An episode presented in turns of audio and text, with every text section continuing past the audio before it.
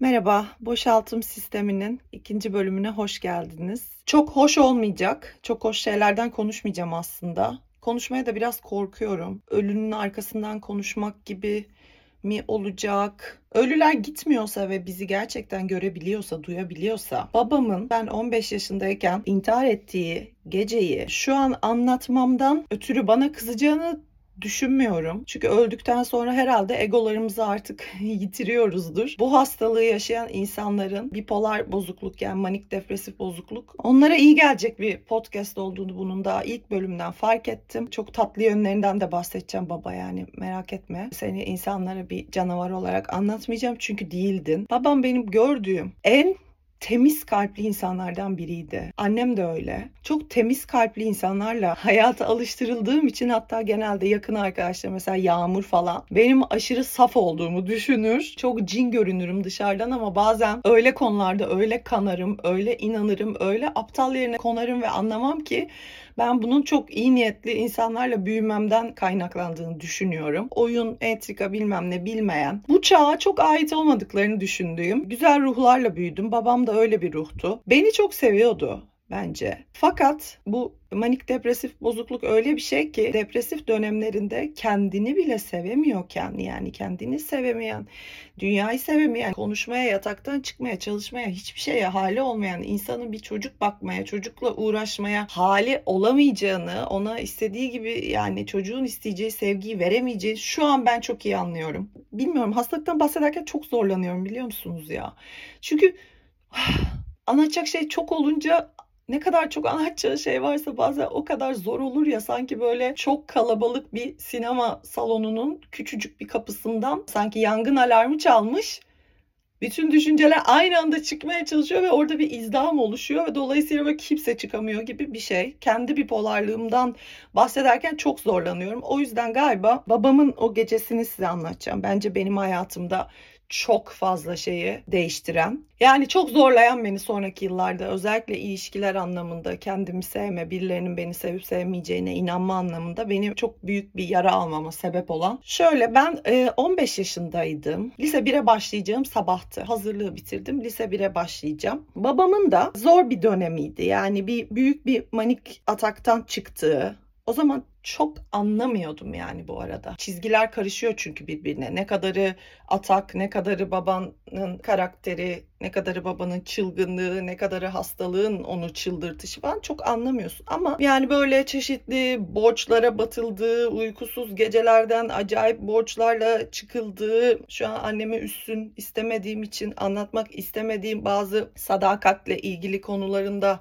tatsızlıklarında yaşandığı böyle korkunç bir dönemin çıkışında babamın sakinleştiğini düşündüğümüz hani artık babam sakin okey ilaçlara yeniden başladı düzendeyiz girdik yolumuza falan dediğimiz bir dönemde meğer o bir aslında e, fırtına öncesi sessizliğiymiş diyeyim. Önceki gece Sabah lise 1'e başlayacak bir kız olarak e, işte yatağıma giriyorum, duşumu alıyorum falan. Sabahın 5'inde gözlerimi açtığımda babam koridorda böyle sanki bir garip bir uyuşturucu etkisindeymiş gibi böyle elleri titreyip gözleri böyle yukarı doğru kayarak e, koridorda yürüyor. Annem ağlıyor yanında böyle onu yürütmeye çalışıyor. Bakma kızım bakma deyip benim kapımı kapatmaya çalışıyor. Elbette bakıyorum çıkıyorum ne olduğunu anlamaya çalışıyorum. Ee, annem gece 5'te komşularımızı uyandırıyor. Ali Cevat amca, Nilgün teyze babamın yakın arkadaşları lojmanda oturuyorduk biz. Onları uyandırıyor. Hep beraber hastaneye doğru bir koşuşturma başladığını anlıyorum konuşmalardan. Babam zar zor yürüyor. Gözler böyle ben babamı hani herhalde dedim kalp krizi nedir bilmem ama hani öyle bir şey oluyor herhalde. Yani bir şey hastalandı ama ne oluyor anlamıyorum. Sonra mutfakta e, bir mektup buldum. İntihar mektubuymuş. Mektup şu an yanında değil. Ama o size daha önce bahsettiğim bipolarlıkla ilgili bir kitap yazdım ama yayınlansın istemedim korktum demiştim ya. O kitabımın e, Word dosyasını bulup oradan baktım. En etkileyen cümle beni bu mektupta şuydu. Beni anlamaya çalışın demiyorum. Çünkü bu yaptığımın anlaşılır bir yanı yok. Yani o kadar güzel özetlemiş ki. Sonra e, tamamı yanımda değil mektubun ama burada cümleler yazmışım. Demişim ki bak kimseyle kavga etmeyen, Uzun yola gider gibi herkesle tek tek helalleşen bir mektup babamınki. Paragraf paragraf isim isim veda ediyor kardeşlerine, dostlarına, hatta gümrük camiasına. Babam gümrük baş müfettişiydi bu arada. Anneme ve bana, annem dahil kimseye seni seviyorum, seni çok seviyorum demiyor benden başka. Son ve nispeten uzun paragrafın muhatabı benim. Şimdi babamın mektubuna alıntı yapmışım. Madem bu kadar seviyorsun, niye bırakıp gidiyorsun diyeceksin. Deme. Böyle olması gerekiyormuş. Ya sebep gösteremiyor çünkü kendi de bilmiyor ki neden yaptığını zaten. Zaten sebep gösterebilecek halde olsa neyi neden yaptığını bu hastalıktan oluyor. Biraz daha ilaç kullansam biraz belki hastaneye yazsam e, bunu yapmam diyebilecek halde olsa onu yapmaz zaten. Bu olanların eh, ama şey çok yani çok büyük e, büyük şov gerçekten sabahında liseye başlayacağım e, geceyi seçmiş olması. Demiş ki bu olanların ardından başlayacağın yeni öğretim yılında neler yaşayacağını tahayyül etmek dahi istemiyorum. Ve şey yazmışım bitirirken kızına bunları yaşatmamak adına elinden bir şey gelmediğini şu cümleyle vurguluyor. Kader böyleymiş.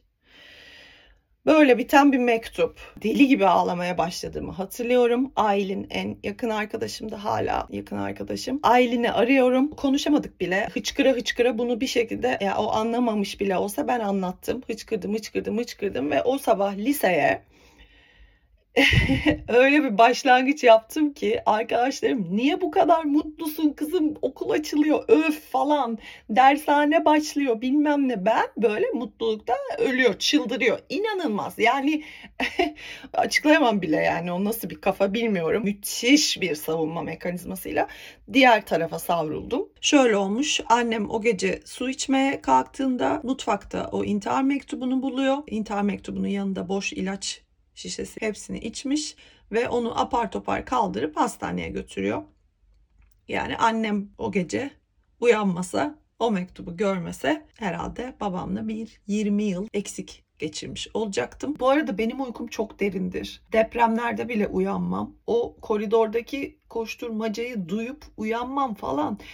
Yani benim o mektubu e, görmem gerekiyormuş. Annem benden önce gelip saklamadan falan ya bilmiyorum babam demiş ya mektubunun sonunda kader böyleymiş diye.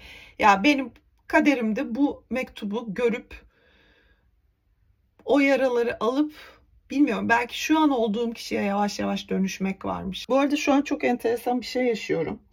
Aslında okula gideceğim ve duş almam lazım. Alamadım daha. Bu podcast'i kaydetmek istedim gün başlamadan. Ve şu an ter kokumu alıyorum. ve benim terim aynı babam gibi kokar. Yani babamın teriyle benim terim aynı. Ne zaman hatta böyle çok iğrenç bir şey belki ama babamı özlesem terimi koklarım. Çok pis bir ter kokusu değil ama hafif böyle bir günlük terlediğinde gelen bir koku vardır ya. İğrenç değil ama ter ama ten kokunla karışık bir ter. Ve şu an böyle koltuk altımdan kahveye uzanırken o kokuyu aldım da çok acayip geldi böyle sanki babam burada gibi hani Uf, umarım bana kızmıyordur duyuyorsa. Duyuyorsa yandık yani. Çünkü bu podcast'te onu bayağı anacağım. Baba duyuyorsan bak bu, bu gerçekten çok insani bir şey. Daha bu sabah yazmış bir takipçim. Kardeşimin hastalığını yıllardır herkesten saklayan ee, onun intihar dönemlerinde işte midesi yıkandığında niye hastaneye yattığı konusunda 50 tane yalan söyleyen bir abla olarak bu podcast bana çok iyi geldi diye. Podcast deyip durmayayım sadece bir bölüm çektim yani bilmiyorum. Belki de bırakırım bile anlatmak canım istemezse. Neyse e, bu intihar benim hayatımı nasıl etkiledi? Ben bunu tamamen şahsıma aldım. Yani benim için babam hastalığından yapmadı bunu bunu o kadar anlayabilecek durumda değildim. Yani bilinç düzeyinde biliyordum ama gel de bunu kalbime anlat. Anlatamazsın. Yani anlayacak yaşta değil. Benim için babam o dönem yazdığım günlüklerime bakıyorum. Babam hasta olmadı. Babam hayatından da vazgeçmedi ya. Bunlar ikinci, üçüncü konular. Babam beni terk etti ya. Babam beni bırakıp nasıl gider ya? Nasıl gider? Babam beni bırakamaz abi. Beni nasıl bırakır ya? babamın benden vazgeçebildiği bir dünyada herkes benden vazgeçebilir.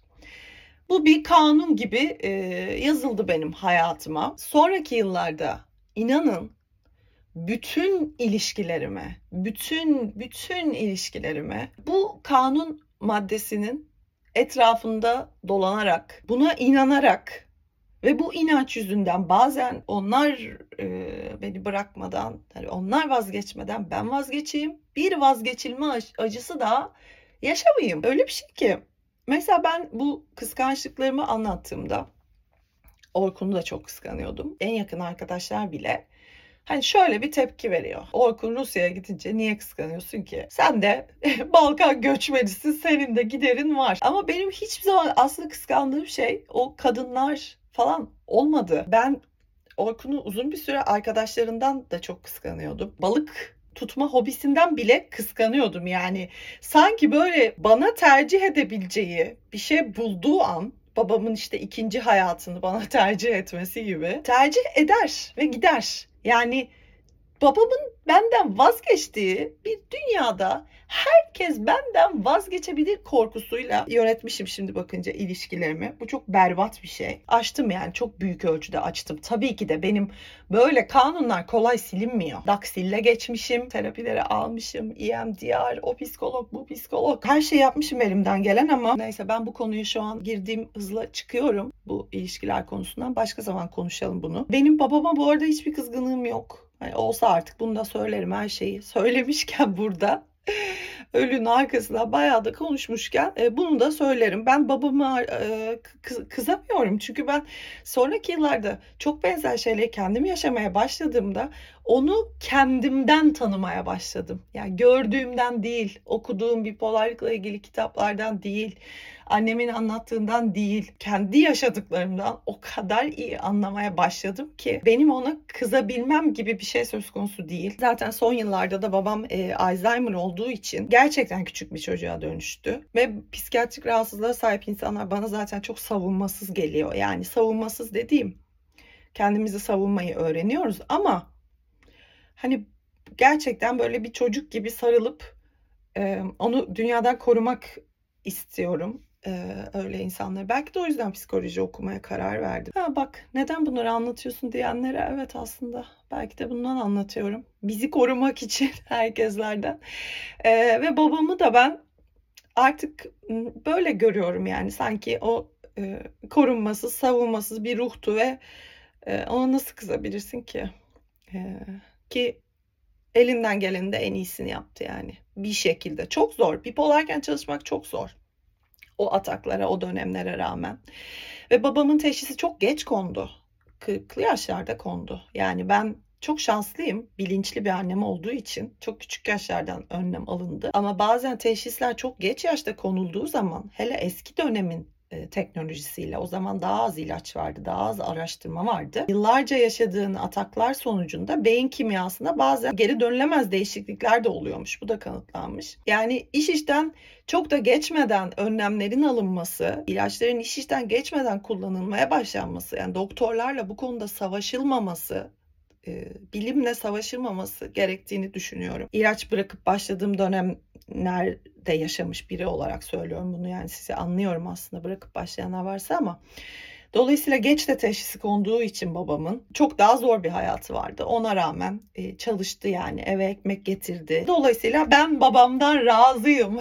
Şimdi öyle deniyor ya. Bir de böyle şey bir adamdı. Bak bu benim çok hoşuma giderdi. Şimdi babam gümrük baş müfettişi olduğu için mülkiye mezunu bu arada. Fakirlikten, yokluktan çıkıp zar zor okuyup oralardan mülkiye yani Ankara siyasalı kazanmak falan bir yerlere gelmek kolay değil. Bunları başarmış yani çok da takdir ediyorum aslında. Hele şu an dönüp bakınca. Devletin imkanlarını kendi için kullanıyor olmasın diye devletin ona tahsis ettiği makam aracına binmezdi. Devletin benzinini yememek için. yani bir de şu anki Türkiye'yi düşünün. O zamanlar böyle insanlar vardı ya. Ve herkese iş bulurdu. Tüm bağlantılarını kullanırdı herkese iş bulmak için. Kendi yokluktan geldiği için işte böyle Buca'dan bilmem kiminin bilmem kiminin kızı iş arıyormuş. İşte ona hemen böyle bir bağlantısını devreye sokardı. Bir yere yerleştirirdi falan. Ve bana hep şey derdi. Bu sevaplar benim aldığım bu hayır duaları seni hayat boyu koruyacak derdi. Belki sana büyük bir para miras hiçbir zaman bırakamayacağım. Zaten bütün emekli ikramiyesi de Alzheimer hastalığının son iki yılında yattığı hasta bakım evine gitti yani onu karşıladı. Gerçekten de bize bir şey o anlamda bırakamamış olabilir ama e, böyle bir manevi miras bırakmak istiyordu bana hep. Gerçekten de bıraktı yani. Öldüğü zaman cenazesi çok kalabalıktı. Herkes gelip böyle şeylerden bahsetti. Hayatta da genelde yaşadığım her şeye rağmen şanslı olup dört ayak üstüne düşmeyi bir şekilde başardığımı düşünüyorum. Sanki o dört ayağımın altındaki o file yukarıdan atladığında aşağıda bir file seni tutar ya altımdaki filenin babamın hayır dualarından örüldüğünü bazen düşünürüm. Böyle arkadaşlar ay valla Yine oradan oraya uçtuk. Neyse ben derse geç kalacağım. Sizleri e, seviyorum. Yani geçen defa sizleri seviyorum diyemedim. Çünkü siz orada mıydınız emin değildim. Sonra baktım ki dinlediniz, paylaştınız. Meğer oradaymışsınız. O yüzden herkese sarılıyorum. Ee, sizi de değil bizi seviyorum. Biz artık biz olduk ya. Kaynaştık bak. Ya, YouTube'dakinden daha da çok kaynaştık burada sanki. Daha böyle yaralarımızı açıp. Öyle arkadaşlar. Hadi görüşürüz o zaman. Öptüm sizi.